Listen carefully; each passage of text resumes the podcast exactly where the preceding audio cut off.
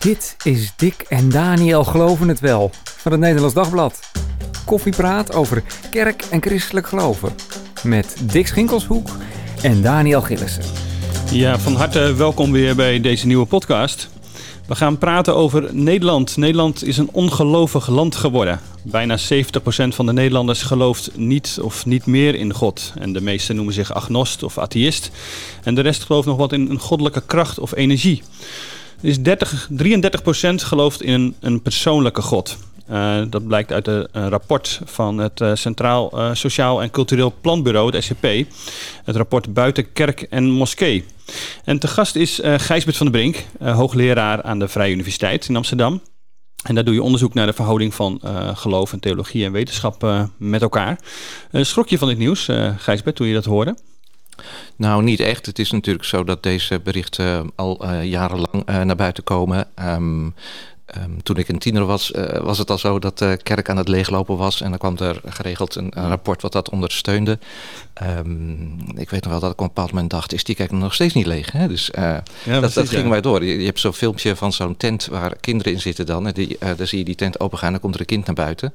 Maar dan komt er iemand achteraan. En op een bepaald moment wordt dat versneld afgedraaid. En er blijven maar kinderen uit die tent komen, weet je wel. Dus die tent is nooit leeg? Die tent is nooit leeg. Dus er kunnen nooit zoveel ingezeten hebben. Dus um, nou ja, ja. goed. Ik, dus, dus in die zin um, is, is, dit, is dit niet echt nieuws, denk ik. Um, het, is eerder zo dat dit een trend is die natuurlijk al veel langer uh, ja. gaande is. Ja. Dus wat ik in dit rapport eigenlijk minstens zo interessant vond... was dat men nu eigenlijk onderzoek gedaan heeft naar die tussengroep. Hè, zoals je ze zou kunnen Precies. noemen. Die spirituelen die dan niet uh, bij een van de bestaande georganiseerde vormen van geloof horen... maar ook weer niet niets geloven. Nee, exact. Want dat, dat is wat uh, de SCP voor het eerst heeft gedaan. Onderzoek naar die niet-kerken Nederlanders... en hoe zij omgaan met zingeving in hun leven.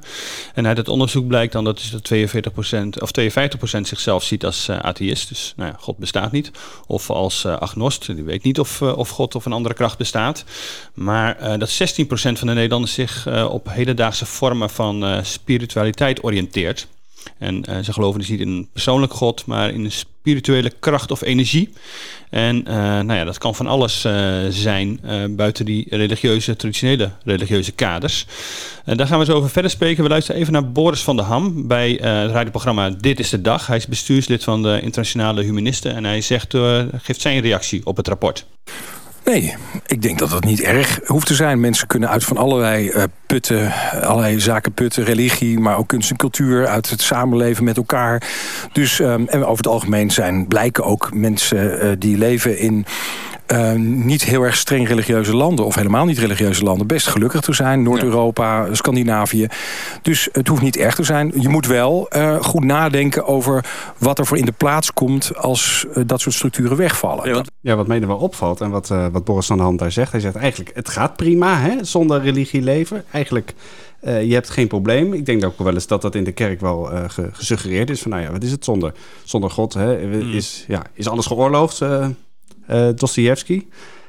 Uh, maar dat blijkt eigenlijk in de praktijk reuze mee te vallen, zegt, uh, zegt Boris van der Ham. Maar ja, je moet dan wel nog even wat, wat, wat problemen oplossen. Maar in zijn, in zijn optiek zijn dat al nou ja, bijna, bijna een soort randvoorwaarden... waar je misschien even wat aan moet sleutelen. Maar dat is het dan wel. Kijk je er ook zo naar, uh, Gijsbert? Nou, ik vind dat wat optimistisch. Ik denk dat het ook nog te vroeg is om dit soort conclusies te trekken. Um, omdat we nog niet zo um, ver zijn. En ook eigenlijk nog geen generatie hebben die volstrekt seculier is. Hè? Dus de, ook de... Nee, hebben we, hebben we die nog niet? Nee, ik denk, dat, ik denk in ieder geval dat het cultuurchristendom, zoals we dat noemen, dat is mm. nog zeer massief aanwezig. Uh, dus we, we, ook als je het geloof waar wel zegt, uh, vaar je nog steeds in je morele oriëntatie en zo vaak toch wel onbewust op uh, waarden die vanuit christelijke en ook de humanistische geloofstradities worden aangereikt. Um, Want dan denk je aan naaste liefde en zo. En dat ja, soort, uh, ja, ja, gevoel voor rechtvaardigheid, zorg voor elkaar. Uh, ja. zorg voor elkaar dat soort uh, principes hebben natuurlijk toch een achtergrond in um, zeker ook de christelijke geloofstraditie.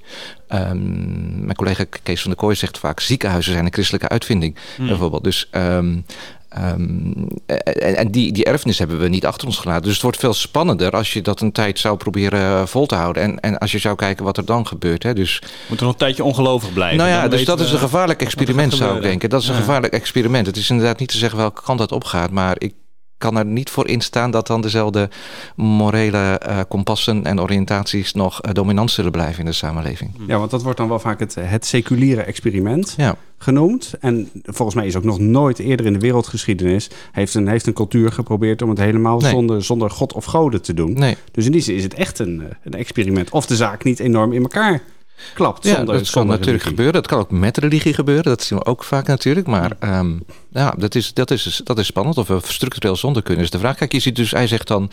Um, het gaat prima met de mensen uh, in geseculariseerde, land, geseculariseerde landen zoals Scandinavië. Maar de, bijvoorbeeld de suïcidecijfers in Zweden liggen stukken hoger dan in Italië bijvoorbeeld.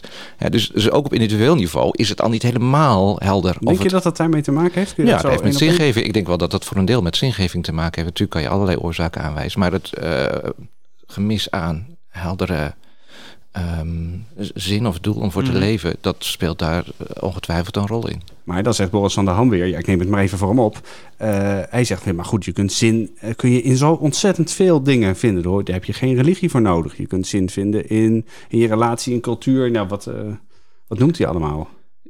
Ja, dat uh, kan ook wel. Dat zie je ook gebeuren. Maar um, het, is ook niet vanzelfsprekend dat dat gebeurt. Uh, dat hele woord zingeving, wat centraal staat in het rapport ook, hè, daar kan je ook wel vragen bij stellen. Ik vond dat Reiner Wiskerker er wel terecht even de vinger bij legde. Columnist van het Nederlands Dagblad. Ja, ja, ja um, um, en um, dus, dus veel gelovigen zullen zeggen, ja, wij geven geen zin, wij ontvangen zin. Hè? Dus, de, dus uh, je, moet, je mm. moet het ook ontvangen op een bepaalde manier. En als je het niet ontvangt, als je, uh, je, je dus geen zinervaring hebt, zou ik zeggen, dan is het heel lastig om zin te vinden. En waar, um, nog even, want je zei vanuit de jeugd ken je ook al, hè, de kerken lopen leeg. Dat is gewoon iets al wat al uh, eh, 50 jaar aan de, aan, de, aan de gang is. En wat zichzelf ook een beetje versterkt. Hè? Dus er zit ook mhm. iets van een zelfvervulling profetie in, voor mijn gevoel. Mm. Uh, ja, precies. Dat, dat, dat merk je aan in, bijvoorbeeld in seculiere media voortdurend met woordjes als nog. Ja. Er zijn nog mensen in de kerk. Uh, ja. Het speelt nog een rol. Ja, er zijn dus, nog dus, christelijke partijen in de Kamer. Ja, precies. Er is een soort zekerheid dat het stopt, zeg maar. Een beetje de, ja, of in elk geval het idee van, van je hebt je tijd gehad en je loopt achter als je er nog aan doet, om zo te zeggen. Hè? Dus dat creëert een sfeer waarin het ook voor uh, opgroeiende gelovigen uh, lastig wordt om je echt uh, duurzaam te verbinden aan de geloofstraditie. Is daar niet iets in veranderd, juist de laatste tien jaar, zeg maar, dat het iets, ja, dat zingeving ook alweer soort relevant op sommige momenten gevonden wordt. Dat je er wel, ja, jij gelooft in ieder geval dit. Uh, ik zit, uh, kijk daar anders tegenaan, maar er was een soort nou ja, respect of ook wel interesse in elkaar is. Zie je daar iets van? Of ja, dat, uh, dat herken ik wel. Um, onlangs was er nog ergens een wethouder van de PvdA, hè, die zei ja, ik ben de Bijbel gaan lezen. Ja. En uh, geleidelijk aan steeds meer geïnteresseerd geraakt. Ik denk wel dat um, dat de sfeer is die aan het veranderen is. Dus vorige generaties hadden ergens altijd nog wel iets met het geloof, maar vaak dan in negatieve zin. Hè? Dus mhm. dan zette je daar uh, tegen af en uh, maakte dat dat je ook niet meer wilde praten, zal ik maar zeggen. Ja. Um, nu is er een soort nieuwe uh, ontvankelijkheid misschien ontstaan, of in elk geval nieuwsgierigheid naar hoe gelovigen in het leven staan. Um, dus je ziet ook iets van wat de filosoof Charles Taylor uh, geduid heeft als uh, de, de, de, diffuse karakter. Hè? Dus dat gelovigen zeg maar, zich steeds beter kunnen verplaatsen in niet-gelovigen en omgekeerd ook. Hè? Dus um, dat zijn denk ik ook ontwikkelingen die samenhangen, ook met de ontzuiling uh, in ons land. Dus dat je elkaar over en weer beter kunt, kunt, kunt plaatsen dan, dan mogelijk was. En dus ook meer geïnteresseerd kunt raken in, ja. in elkaar. Maar wat ik zei dan ook weer inproeven, je zei net, we zitten in een soort cultuurchristelijk uh, omgeving, uh, laat ik dat dan zomaar even noemen. Um, dan kun je toch nog bijna niet spreken van een, nieuwe, van een nieuwe ontvankelijkheid. We zitten nog allemaal, eigenlijk in die zin zijn we cultureel gezien, dus nog allemaal gelovig. Dat is, dat is wat ik jou hoor zeggen. Ja, ik, ik zou onderscheid willen maken dan tussen gelovigheid en um, onderliggende uh, waardepatronen. Ik denk dat je ook zonder uh, gelovig te zijn, die waardepatronen nog met je mee kunt dragen. En dat is wat ik net bedoelde. Dus dan ben je zelf niet meer gelovig, maar de manier waarop je in het leven staat is nog wel sterk beïnvloed door de traditie van het christendom. Um, en uh, dat, zie je, dat kan dus ook als je het geloof kwijtgeraakt bent. Of je hebt het niet meegekregen, maar je hebt wel dat waardepatroon. Dat kan dan ook alweer tot de zoektocht leiden van waar komen die waarden eigenlijk vandaan? En uh, kan ik me daar opnieuw toe verhouden? Kan dat niet gewoon blijven bestaan eigenlijk? Ja, wil ik zeggen. Raken we het echt, echt wel kwijt? Kun je niet gewoon een cultuur, christelijke cultuur uh, houden? Blijven. Kun je dat zo zeggen?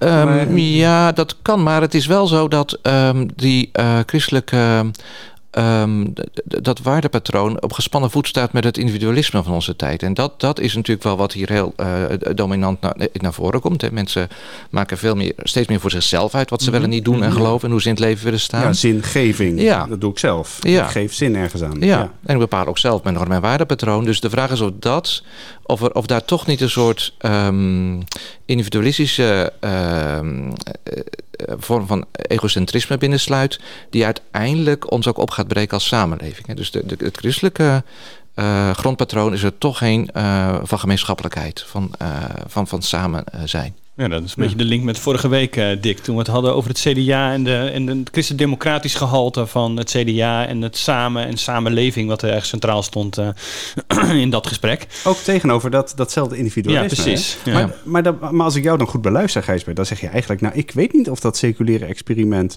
zo goed gaat aflopen. Nee, ja, dat klopt. Dus dat, uh, dat weet ik niet. Nee, inderdaad. Ik ben daar niet helemaal zeker van, laat ik maar zeggen. Ja. Nou, Boris van nee, der Ham zal zeggen, die, die, die, kom nou, ik bedoel... Wie zal zeggen? Boris van der Ham zal zeggen, kom nou, dit is, bedoel, ik ben uh, ook gewoon mens en ik wil ook, ja, ik wil, vind het belangrijk dat mensen zelf uh, beslissen, maar tegelijk uh, sta ik ook open voor, voor de ander, wil ik de ander geen kwaad doen. Um, dus waar maak je je nou druk om? Waarom zou jij als religieus mens beter zijn dan, dan ik als humanist? Nou ja, kijk, dat zal in alle individuele situaties, dus die van Boris van der Handen, geloof ik dat onmiddellijk. En ik heb geen enkele behoefte om dat te, te hem te desavoueren of mm. zo, hè? of te disqualificeren op dit punt. kan moreel zeer in tegen zijn natuurlijk, maar je ziet ook dat bijvoorbeeld um, aan de andere zijde van het politieke spectrum uh, het populisme sterk opkomt. En daar uh, gebeuren wel allerlei dingen die uh, losgezongen raken van de christelijke geloofstraditie, mm. denk ik. Ook al beroept men zich er daar ja, juist op. maar die dus inhoudelijk, ja, die dus inhoudelijk er helemaal los van raken. Ja. En waarvan je niet weet waar het op uit gaat lopen. Mm. Ja. Kijk naar wat er in de Verenigde Staten gebeurt rondom Trump. En, uh, hè, dus daar worden de, de, de, vormen worden zeg maar gekoesterd, uh, maar de inhoud uh, is helemaal weg, zal ik maar zeggen. Mm. Dus dat, eh, maar eigenlijk valt er nog niet zoveel van te zeggen, omdat dus, nou ja, we nog als nou, met zijn minst als cultuurchristenen uh, leven en die normen en waarden uit het christendom hebben overgenomen. Dus het is echt nog afwachten, waar gaat dit dan heen? Wat betekent dit voor de lange termijn? Ja, dat denk ik wel. Maar kan ik als niet-religieus mens een goed mens zijn? Uh, ja, dat denk ik, uh, dat denk ik op zich wel. Um, um, dus het is niet zo dat je dat niet zou kunnen zijn. alleen de, um, het punt zit dus veel meer in de uh, fundering van de moraal, zoals het dan uh, academisch heet. Uh, dus hoe, hoe, hoe, hoe verantwoord je waarom je een goed mens zou moeten zijn? daar, daar zit de vraag veel mee. Dus, dus deftig gezegd, is, is een niet-theïstische fundering van de moraal mogelijk? Ja, maar hoe, wat denk je daar zelf over? Voor mijn gevoel zijn, zijn er, alle, er zijn allerlei manieren, allerlei secundaire funderingen van de moraal. Die zijn mogelijk. Die zijn in de afgelopen 200, 300 jaar gemaakt. Die zijn ja, maar kijk, daar is dus onderzoek naar gedaan door mensen als, uh, ja, dat wordt misschien erg technisch, door mensen als R.S.D. McIntyre en zo. En die uh, laten zien dat uh, dat zeer verbrokkeld is en dat het heel moeilijk is om daar werkelijk een goed argument voor te geven. En die zeggen dus de enige manier om eruit te komen is door terug te vallen op tradities. Mm.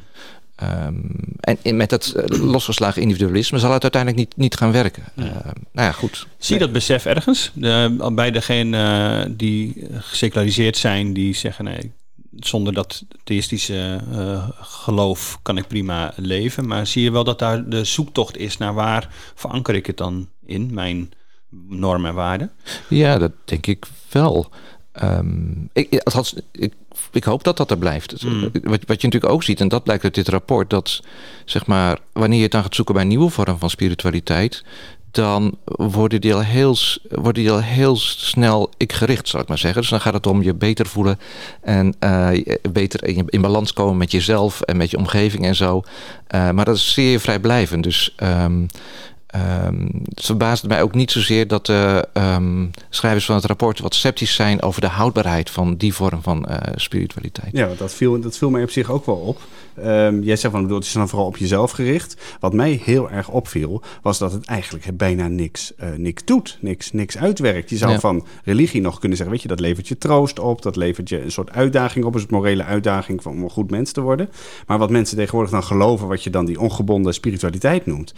Ja, wat, wat, wat voor invloed heeft het nou op jou dat je in, in aliens gelooft, of in een kracht, of in geest, of in kabouters, of, of wat ook? Het, het, het doet niks meer met je. Nee. Dus he, hebben we het dan nog wel over, over religie in een of andere vorm? Ik, kan ik heb daar wel grote vragen bij. Ja, nou dat, kan ik me voorstellen. Ik denk wel dat eh, religie hier verschuift in het veel bredere begrip van zingeving. Hè? Dus ehm, die twee kun je volgens mij niet één op één helemaal uh, zo koppelen. Um, en kennelijk ervaren mensen daar uh, zingeving in. Um, ik denk ook wel dat dat voor een deel kan als je inderdaad. Dus ik zal niet uitsluiten dat mensen door dit soort wegen te bewandelen beter in balans komen met, met zichzelf en met het leven. Um, maar het is wel een hele tour. Hè? Dus um, nou, deze week uh, was er ook weer het nieuws dat er zo ongelooflijk veel live coaches zijn. Hè? Dus die schiet als paddenstoel uit de grond. heeft het goed uh, neergezet. Ja. ja. Ja, en dat is dus eigenlijk ook. Dat die springen ja. in dit gat. Hè? En dan zie je, de, de behoefte daaraan is er dus wel degelijk blijkbaar. Uh, want ze kunnen allemaal op een bepaalde manier weer nieuwe leerlingen, volgelingen krijgen. Uh, maar wat het uitwerkt, ja, dat is, dat is nog even de vraag, denk ik. Maar ze hebben wel allemaal een verhaal op een of andere manier. Dat verder natuurlijk helemaal niks met religie te maken Nee, het zijn de meest vreemdsoortige verhalen, ja. ja, ja. precies. Ja. Nou, nu, ja, precies. Nu plak je daar natuurlijk meteen een oordeel aan.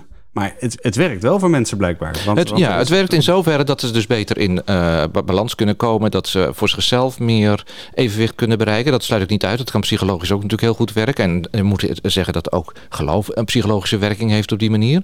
Maar uh, ik denk dat het niet uh, verbindend werkt. Dus het is niet zo dat het hen meer betrekt op hun omgeving. Of nee, precies. positieve dat is een beetje, We hebben het nu een beetje over dat grote verhaal natuurlijk. Van hoe dat inderdaad in de samenleving uiteindelijk zal uitwerken. Op het moment dat, er, dat, dat mensen niet meer religieus zijn. Maar op individueel niveau kun je natuurlijk denken, ja, het zal me allemaal even wel. Maar als ik gewoon naar mezelf kijk, ja, dan heb ik God helemaal niet nodig. Wat, wat, doet, wat doet de aanwezigheid eventueel van God in mijn leven nou, uh, maakt dat nou wat uit? En dat, hoe, hoe leg je dat uit? Ja, um, kijk, ik denk dat er fasen in ieders leven zijn waarin die uh, dat gevoel heeft. Um, uh, dus ook daarin verschillen gelovigen niet per se van, mm. uh, van gelovigen. Um, en uh, dat uh, zie ik bij mezelf dan als een vorm van oppervlakkigheid. Uh, mm. Dus dat heb ik niet over anderen, maar heb ik over mezelf. Nee, precies.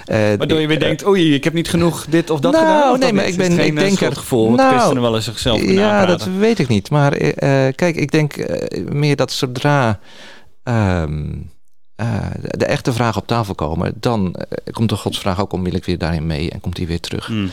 Ja, ja dat is wel weer, weer een beetje nood dit bidden natuurlijk. Nou ja, ja inderdaad, maar dat is natuurlijk dan, niet, uh... ja, dat is niet voor niets te spreekwoord. En mm. denk ook, je hoeft er echt niet voor doorgeleerd te hebben om uh, te kunnen vaststellen dat ook het welvaartspeil hier een rol in speelt. Uh, de mate ja. waarin we onszelf kunnen redden, hangt gewoon samen met de mate waarin we al of niet um, God en geloof nodig denken te hebben. En ik sluit ook niet uit dat we cultureel gezien daarin nu, wat er in Oost-Europa gebeurt, weer een nieuwe mm. fase ingaan. Waarin we weer meer beseffen dat we niet alles kunnen maken. Nee, nee we dachten dat, dat het allemaal beter werd, zeg maar. Ja. En we zien nu dat het niet beter wordt. Nee. Of dat de generatie na ons het niet per se beter gaat hebben. Dat er nou ja, weer een wereldoorlog op uitbewegen ja. staat, bij wijze van spreken. Dat zijn natuurlijk wel hele heftige Absoluut. ontwikkelingen. Ja. Grote ontwikkelingen. Maar waar ik dan wel moeite mee heb in deze redenering... is dat je dus blijkbaar problemen nodig hebt... Mm. om... Uh, om, om God nodig te hebben. Nou, ik zou het liever andersom zeggen. Kijk, ons bestaan is problematisch. Ons bestaan is per definitie kwetsbaar. Uh, dus in die zin uh, kunnen we niet onszelf in stand houden. Uh, maar dat ervaren mensen toch niet allemaal Nee, maar dat, dat, dus doordat we ons daaraan ontrokken hebben, door een bepaald welvaartsniveau, zijn we daarvan losgezongen geraakt. En ik ben het wel natuurlijk ermee eens dat we, we moeten uitkijken om geloof te reserveren voor de randen van het leven. Wat Bonhoeffer terecht aanwijst. Dus ja, juist als je gezond en sterk bent, komt het erop aan om voor Gods aangezicht ja, te leven. Dan, dan klinkt die stem van, van Christus. Dat vind ik een hele inspirerende manier om, om ook naar dit probleem te kijken. Ja. Dus dat je, nou, dat je niet wanhopig als kerk op zoek blijft naar... Ja, hebben mensen ergens een probleem? Zijn nee, mensen, moet je niet doen. Ja. Want dan kunnen, we, dan kunnen wij daar misschien... Dat is een soort ankerpunt waar we dan onze... Ja, nee, dat, dat moet je denk ik niet doen. Dus um, het sluit niet uit dat... Uh, dus het staat, sluit elkaar niet uit, denk ik. Hè. Het kan, kan toch zo zijn dat je het idee hebt om kwetsbaar te zijn... wat in feite gewoon een fake idee is. Wat gewoon niet, niet klopt met, met hoe de werkelijkheid in elkaar zit. Maar zo so wat? Nou ja, dat betekent dat je dus allerlei vragen van het lijf kunt houden die er wel degelijk te doen als het erop aankomt. Maar waarom, maar, maar waarom zou ik dan. Ik ga maar even de advocaat van de duivel spelen, wat in dit geval misschien wel heel letterlijk het geval is. Uh, maar wat, wat maakt het uit? Ik leef gewoon mijn leven. Ik heb mijn huis, ik heb mijn, uh, mijn, mijn leven, mijn werk, mijn kinderen. Uh, Waarom moet ik op al die moeilijke vragen een antwoord geven? Je kunt heel lang dat niet doen, maar op het moment dat je te maken krijgt met het overlijden van een ziekte van een geliefde, of je krijgt zelf een, uh, verdrietig bericht van de dokter, of er gebeuren andere dingen in je leven, dan komen vragen uh, naar, naar zin, toeval, God, geluk uh, toch weer op, zal ik maar zeggen. Is dat gewoon menselijk dan? Ja. Wil je? De, de, als mens komen dat soort vragen dan? Ja, dat denk en, ik wel. En elk mens maar heeft het, met tegenslagen lijkt te ook maken? dat je prima uh, niet-religieuze antwoorden op die vragen kunt geven. Zoals het, het leven nemen zoals het komt, uh, genieten zolang het kan. Nou ja, ik wil zeggen, ik hoef al die ja. varianten niet. Ja, dat is ook zo. Je kunt er altijd, je kunt er altijd uh, dus niet religieuze antwoord op geven, maar je kunt niet ontwijken aan de religieuze problematiek. Dus aan uh, de, de vraagstellingen die met religie meekomen, die in religie beantwoord worden. Die, vraag, die onderliggende vragen, die zijn denk ik algemeen menselijk. Ja, maar oké, okay, maar, de, maar de antwoorden, die worden dus blijkbaar in toenemende mate niet religieus uh, gegeven. En dat, dat lijkt... Ja, ik, bedoel, ik moet eerlijk zeggen, ik vind de, de, de stelling van, van Boris van Dam in die zin nog weer vrij, vrij overtuigend. Uh, dat het, het blijkt inderdaad gewoon prima te gaan. Er zijn toch weinig aanwijzingen tot nu toe. Ja, dan kun je natuurlijk zeggen dat is cultuurchristendom, maar even daarbuiten. Dat het echt heel erg problematisch uitpakt in mensenlevens. als ze die religieuze vragen niet religieus beantwoorden.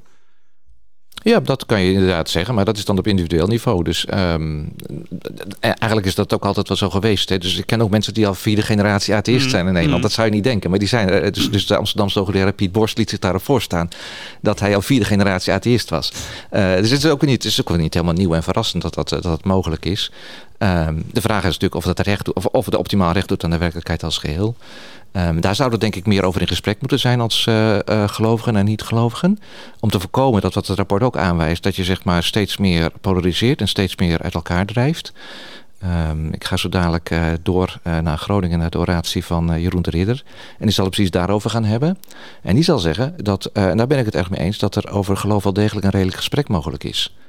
en dat misschien belangrijk is dat we dat leren te voeren. Hoe zou, hoe, zou dat kunnen werken? Nou ja, dus um, van de kant van um, seculieren zou um, het goed zijn als zeg maar het sfeertje van geloof is iets voor vroeger of voor achtergebleven mensen, dat dat losgelaten wordt. En dat men ziet dat er ook gewoon hele goede redenen kunnen zijn voor in elk geval uh, godsgeloof. Hè? In Amerika is dat trouwens veel sterker dan in, in Europa en West-Europa. Dus nog steeds, dat wijst het rapport ook aan, verschil tussen de Verenigde Staten en Europa. En mijn eigen hypothese, ik heb zelf ook weer het vorige semester in Amerika doorgebracht en zo. En mijn eigen hypothese is toch dat dat te maken heeft met een verband tussen redelijkheid en geloof. Dat wordt hier in Nederland door mijn meeste vakgenoten ontkend. Hè. Die zeggen, je moet het niet in argumenten zoeken en zo. Nou, ik geloof ook wel dat argumenten zelden iemand uh, tot een veranderd geloofsinzicht brengen. C.S. Lewis is een van de weinigen, denk ik, die daarvan uh, getuigt. Uh, maar um, wanneer je dat niet meer doet, dan ontstaat inderdaad heel gauw een sfeer van uh, geloof in God is iets wat eigenlijk niet zo goed doordacht is. En uh, dat is in Amerika anders. Uh, en dat komt door die hele lange traditie van mensen, uh, sinds de common sense filosofie die daar invloed heeft gehad, dus gezond verstand filosofie. dat komt door de hele traditie van mensen die geleerd hebben geloof en redelijkheid op elkaar te betrekken. Ja, precies. En in Nederland zeggen we dan natuurlijk heel, ja, maar het is ook maar een geloof. Precies. Ik hoor dat Geloof in de kerk ook heel vaak. Ja, Emotie is, zeg maar. Dat Ja, het meer precies. daarom gaat dan om de redelijkheid. ja. Ja, het is ook vertrouwen, wordt er dan gezegd. Nou, ja. Dan kun je dan blijkbaar op de meest absurde dingen. Nou ja, dat is inderdaad eh, wat je dan kunt zeggen. Ja, dus dat, dat het hier alle kanten Mm. op gaat, heeft misschien eh, ook iets te maken met deze manier van erin staan. Hmm. Eh, alsof er geen zinnig woord over te zeggen valt, Nou, maar ieder zeg dat er nog eens even een paar weten. zi- zinnige woorden over dan. Inderdaad, waarom, waarom, zou, waarom is het redelijk om te geloven?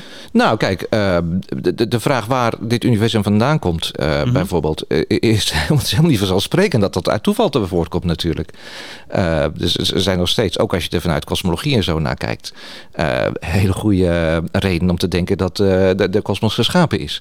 Ehm, denk aan het hele, wat dan heet het fine-tuning argument en zo. Hè? Dus, eh, en dat is iets anders dan dat je God in de gaten zoekt. Hè? Dus dat je zegt, nou dit, is nog niet, dit hebben we nog Mhm. niet verklaard, dus daar zeggen we dan dat, dat God voor verantwoordelijk Ja, is. want er wordt ook steeds minder gezegd. Er zijn steeds minder vragen die open liggen. Dus voor heel veel dingen hebben we uiteindelijk een verklaring. Ja, die kant Dus, wil ik niet eh, op, want nee, dan eh, kom je inderdaad op dat terugtrekkende eh, gebied terecht. Maar de Ja. vraag waar natuurwetten überhaupt vandaan komen. Hè? Dus we zijn wel goed geworden in het eh, vinden van hoe natuurwet, natuurwetten in elkaar steken. Maar, maar waar ze vandaan komen, ja, dat is precies dat grensgebied van Ja. kosmologie en eh, levensbeschouwing. ehm, waar, waar echt wel wat meer over te zeggen valt dan vaak gedacht wordt. Maar waar komt dat, dat, dat, dat wijdverbreide ongeloof dan vandaan? Ja, ik bedoel, eh, sociologisch kunnen we er van alles over Ja. zeggen. Maar hoe, hoe kijk je daar als, als theoloog naar? Als, als gelovige ook? Zeg maar, bedoel, er wordt ook altijd gezegd, mensen zijn, zijn ongeneeslijk religieus. Hè? Er Ja. zit altijd iets in, de mensen, nou, iets in mensen dat, dat naar God vraagt. Hoe dat dan Ja. nou precies werkt. Maar toch, toch blijkbaar werkt dat niet helemaal zo. Hoe, Nou ja, kijk, die gedachte van dat de mens aangelegd is op God, die is inderdaad in de christelijke traditie um, uh, breed uh, te vinden. Maar je moet daarbij zeggen dat um, met name in de, um, bijvoorbeeld in de, in de Calvinistische traditie, als je bij Calvijn kijkt bijvoorbeeld, dan wordt die gedachte ook wel heel kritisch uh, beschouwd. Dan zegt Calvijn, ja, dat is wel zo, dat we aangelegd zijn op God, maar we drukken dat op allerlei manieren naar beneden. En we maken daar van alles van. Het menselijk hart, het menselijk hart is een fabriek van afgoden, zegt Calvijn. He, dus daar gebeurt van alles met die natuurlijke aanleg op God die wij hebben. dus het zou Calvijn niet zo verbazen dat het gaat zoals het nu gaat, denk ik. Hè? Um, dus zo, zo makkelijk is het ook nooit geweest. En um, natuurlijk, uh, we komen uit een tijd van wat aan het Corpus Christianum heet, dus waarbij uh, samenlevingen collectief christelijk waren. Het is alles ademde christelijk. Ja, ja, maar dat wil niet zeggen dat iedereen persoonlijk uh, zo gelovig was. En het wil ook niet zeggen dat dat een natuurlijke habitat voor het, christelijk, voor het christendom is. Hè. Het Nieuwe Testament, daar is christgeloof ook een minderheid. En daar hebben christenen zich ook staande weten. Het feit dat zeg maar um, je tot een cognitieve minderheid behoort, of dat niet iedereen het met jou eens is, wil niet zeggen dat je moet gaan twijfelen aan je eigen opvattingen. Nee, nee uh, precies. Ja. En wat leert ons dit als, uh, als kerk, zeg maar? Wat kunnen we hier uh, verder mee? Deze ontwikkeling is zichtbaar. Ehm, wat moet de kerk doen? Wat adviseer je de kerk? Nou ja, ik zou denken, dus, dus wat uit dit specifieke rapport naar voren komt, is dus dat je ook niet je vertrouwen te veel moet stellen op die nieuwe wave van spiritualiteit. Mm. Uh, dus op dat punt zou de kerk misschien wat kritischer kunnen zijn. En, Omdat het uiteindelijk niet leidt tot nee. een terugkeer naar de kerk, maar eerder tot atheïsme. Dat is wat, wat er, wat er uh, gezegd wordt. Ja, inderdaad. Dat lijkt. Dus men is nog wat voorzichtig in het rapport. Ook daarvoor vindt men nog iets te vroeg om definitieve mm. conclusies mm. te trekken. Maar men zegt toch wel dat het daarop, uh, daarop lijkt. Ja. En uh, dus mensen die hun heil zoeken, letterlijk en figuurlijk in uh, uh, losgezongen spiritualiteit, daar mag de kerk rustig wat kritisch over zijn, denk ik. Ja. Um, daarmee wil ik niet zeggen dat ze het probleem bij anderen kan leggen. Hè. Dus, dus, natuurlijk blijven ook voortdurend de vragen naar ons toe komen. Wat betekent dat voor ons? Um, uh, kunnen wij doorgaan op de manier waarop we het altijd deden? Uh, of moeten dingen toch anders? Dus ik denk zelf, uh, je moet niet het zoeken in verandering van vormen zozeer. Alsof daar dan het in gelegen ligt. Maar je moet het ook niet tegenhouden per se. Mm. Soms, soms vraagt een andere cultuurfase om andere vormen. En dan zie je dat het ook niet goed gaat als je daarvoor gaat liggen. Nee, nee, precies. Dus het is niet uh, de redding en het is niet, uh, je moet het niet, niet, niet voor je uitschuiven of uh, niet, tegenhouden. Nee, omdat dat ja, dan, ja je moet kijken hoe kun je. Sorry. Ja. Ja, nee, nou, wat, wat, wat ik wel heel erg herken in wat je zegt, is dat kerken volgens mij ook missionair gezien, dat hoor je namelijk heel vaak, moeten stoppen met het idee van. maar uh, er is een soort algemene religiositeit. En we kunnen heus wel ergens bij aanhaken. Mm. Maar we hebben blijkbaar op een of andere manier zijn we niet relevant genoeg geweest. We zijn Mm. niet genoeg. Uh, het is op mensen betrokken geweest. We hebben niet genoeg naar mensen geluisterd. Uh, en als we dat nou maar beter doen, als we de boodschap nou maar beter uitleggen, als we dan nog maar inderdaad andere vormen gaan doen, dan komen die mensen wel weer terug. Want ergens zit er iets in mensen. Uh, waardoor ze eigenlijk gewoon allemaal in de kerk zouden kunnen zitten. Volgens mij leert ons uh, dit rapport dat dat gewoon niet zo is. Nee, ik denk het ook. Dus ik denk ook dat veel meer parool zou moeten zijn. Uh, let vooral op jezelf. Ehm, als, als kerk, als, als gelovige. Ja, in de zin van dat je. Um, dus, uh, dus, dus meer dan van uh, probeer zoveel mogelijk nog het woord uh, uit te dragen of zo. Dat moet je ook doen. Maar dat is niet het accent zoveel moet, mee moeten liggen op wat Bonhoeffer ook weer noemde: wachten, bidden en werken. Hè, dus heb niet de hoge verwachtingen van de cultuur meer. Maar probeer wel zelf trouw te blijven aan het evangelie. Door inderdaad die drie dingen vol te houden. Hmm. Die afkalving van de kerk zie je natuurlijk, dat zei je al, uh, uit je jeugd uh, gebeurt dat al en dat zie je eigenlijk uh, doorgaan. je woord zelf tot het grif met de bond, een beetje de, nou ja, een soort kerk in, binnen de protestantse kerk zou je kunnen zeggen, de behoudende stroming daarvan. En um, ik las laatst een artikel daarover over een theologisch tijdschrift, waarin het ook een, nadrukkelijk duidelijk wordt dat, dat het aantal mensen dat bij de Grif Bond hoort of zich daartoe rekent, zal ik maar zeggen, enorm is afgenomen sinds uh, begin jaren 70. Uh, gehalveerd tot begin, jaren 70 zelfs, wordt gezegd. Het is een beetje een schatting, omdat je nooit precies uh, kunt zeggen hoe dat zich afgrenst. Maar wat, wat leert dat? Um, ja, en, en, terwijl, terwijl, met name in de Grif Bond, toch best wel vaak is gezegd... Nee, maar ja, bij ons, wij houden ze vast, hè, ja, dat, ja. Wij, wij, wij blijven bij het woord, dus blijven de mensen ook bij ja, ons. Het is de rest van de, nou ja, eerder de Nederlandse vormde kerk en later de protestantse kerk, waar Waar, waar, de afkalving zichtbaar is. En wij, Grif met de Bond, houden nog redelijk vast. Nou ja, de halvering is inderdaad van 625, nee, naar schatting 625.000 mensen naar 334.000 mensen in uh, 2015, dus een jaar of zeven geleden. Hoe kijk jij daarnaar? Ja, dus dat viel mij ook op. Dus um, ik, ik, las het ook in de in, in uh, Theologe Reformata. En um, uh, dat, was, dat was dus wel ook eigenlijk nieuw. Um, precies om de redenen die jullie noemen. We hadden altijd mm. toch al gedacht, nou, die Griffmintbond is redelijk stabiel. Ja. Die, uh, het was ook moeilijk om dat helemaal goed uh, te becijferen. Dus ik heb bewondering voor die onderzoekers. Ja. Omdat... Wij schatten het altijd een beetje op 400.000. ja, maar het is heel moeilijk, heel diffuus. Wat, wat hoort er wel bij, wat hoort er niet bij? dus die kleine gereformeerde kijkers zijn veel makkelijker in beeld te brengen. en daar viel het eigenlijk redelijk nog mee. Althans, wat er nu, waar het nu op lijkt, is dat het in de Griffmintbond dus harder gaat dan bijvoorbeeld in de kerk vrijgemaakt. Ja. Um, ja, dat, heeft dat alleen maar met secularisatie te maken? Voor een deel denk ik wel. Maar voor een ander heeft het ook te maken met wat ik net even noemde, denk ik. Hè? Dus dat men daar ook wel geneigd is om heel wat krampachtig vast te houden aan uh, bestaande vormen van liturgie en mm. zo. Waardoor je ziet dat enorm veel mensen die binnen de sfeer van de Griffmiddelbond opgroeien, wel gelovig blijven, maar uiteindelijk um, van kerknootschap veranderen. En mm. uh, een toevlucht zoeken naar uh, gemeenschappen waar er veel meer vrijheid is in liturgische vormen. Ja, dan denk je met name aan oude, oude psalmen, orgel. Wat in de Middenbond gebruikelijk ja, is. Precies, ja, precies. Een klassieke, een klassieke bijbelvertaling. Ja, ik zie het ook in mijn eigen woonplaats. Dat gewoon mensen dan eigenlijk uh, veel meer kiezen en veel eerder kiezen voor een wat meer evangelisch getinte gemeente. Uh, waar ze dan vervolgens ook wel uh, trouw bij betrokken blijven vaak. Dus dat is een les die je net, voordat ik deze vraag stelde, al zei van hou het dus niet al te veel tegen als het gaat om ja, vernieuwing in vormen of zo. Niet dat je daar dus de hel van verwacht, maar nee. ook niet tegenhoudt. Nee, want dan, dan gaat het zich op een bepaald moment tegen je keer. Ja. Als, je niet, als je niet mee kunt bewegen ja. met een cultuur daar waar het echt nodig is, zonder dat het ten koste gaat van de inhoud, mm. uh, dan, dan, dan keert het zich op een bepaald moment naar jezelf terug. Dus dat zal op een gegeven moment ook de, hè, dus de meer nog rechtsere uh, kerken als gereformeerde gemeente en dergelijke ook gaan raken. Waar Zeker. Veel nog, ook veel uitstroom is, maar ook een hoog, een hoog, hoog geboortecijfer. Ja. Waardoor dat nog redelijk in, in, in, in balans blijft. Maar je ziet daar ook de afname naderen natuurlijk. Ja, en daarbij heeft dat hele platte gegeven van demografische ja, ontwikkelingen gewoon precies. ook uh, een rol. Dus uh, ja. daar worden gezinnen kleiner. En uh, ja, dus het is altijd al een, een uitstroom. Maar dat zal natuurlijk er zal nog minder zeg maar ook daar overblijven wanneer de gezinnen kleiner worden. Ja. ja. Kan, dit, kan dit ook nog anders worden? Ik bedoel, kan het Westen weer, weer wat geloviger worden? Kunnen Geef de kerken hoop. weer vol... Ja, nou ja, kijk, ik weet niet of je het moet willen, sowieso. Ja. Dat is misschien een gekke om te zeggen, maar uh, het, het, is altijd zo geweest dat uh, het christelijk geloof een weg heeft gemaakt uh, door landen en volken en culturen heen. en die vervolgens ook weer op een bepaalde manier achter zich gelaten heeft om verder te gaan naar andere werelddelen. Dus waarom zouden we ons niet verheugen in de groei van het evangelie, in het geloof in, in Afrika, in Azië, waar het spannend is natuurlijk in Azië. Um, en Latijns-Amerika. Uh, we dus... willen toch dat iedereen tot geloof komt als christenen? Of is het, uh, bedoel ik, zie Ja, zo, dat is ook zo. Ergens, absoluut, absoluut. En we, doen, we, we, we, mogen doen wat we daarvoor kunnen. En ja. uh, het is goed om erover na te denken. Maar als gereformeerd christen geloof ik mm -hmm. ook in zoiets als verkiezing. En dat is niet op individueel niveau per se, maar ook op dat collectieve niveau. Het gaat ook van mm. cultuur naar cultuur. En een cultuur heeft ook op een bepaalde manier, kan het achter zich laten. Luther zei al ooit, weg is weg. Hè? Als de regen bij voorbij is, dan is die weg. Dus ja, dus dat, dat is niet vreemd op zich. Het is, het is natuurlijk tragisch voor onze cultuur, dat wel. Dat zie ik ook absoluut. Um, maar het is niet alsof het heel vreemd is, zal ik maar zeggen. We hebben onze tijd gehad, zeg maar. We hebben onze kans gehad. Uh, zeker, zeker, ja. ja. ja. Dan vind ik het toch weer niet zo heel positief. Nou ja, kijk, het kan natuurlijk ook zo gaan. Kijk, stel dat inderdaad we in een hele andere cultuurfase terechtkomen.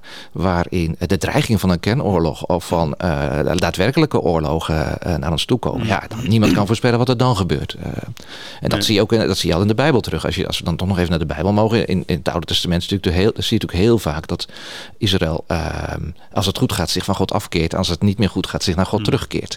Moet je dat dan hopen? Ja, jij zult zeggen, Dick, van ja, dat, daar wil ik eigenlijk niet op hopen. Nee, exact. Uh, maar, maar het is wel wat kan gebeuren. Ja. Ja, precies. Er wordt dan gezegd, na de, na de oorlog zaten de kerken ook weer vol. Ja. ja. En dat duurde ook niet heel lang. Nee, nee nee kijk naar het boek ja. Richteren. Dat is ook weer niets nieuws natuurlijk. Ja. Nou, dit thema zullen we als Nederlands Dagblad op de voet uh, natuurlijk blijven volgen. Dit is echt iets waar wij uh, op gespecialiseerd zijn. Dus uh, hartelijk dank Gijsbert voor, voor je uitleg hierover en het gesprek hierover. Vind je dat interessant? nou, wat ik zeg, blijf ons volgen als deze podcast, Dick en Daniel, maar ook het Nederlands Dagblad zelf. Dick heeft er in de krant van zaterdag ook een een analyse aangeweid onder de kop Wen er maar aan. Steeds meer mensen hebben gewoon niks met religie. Nou, wil je dat lezen? Kijk dan op onze site nd.nl en overweeg eens een abonnement om ons te steunen. nd.nl slash abonnement. Hartelijk dank voor deze week en tot de volgende week.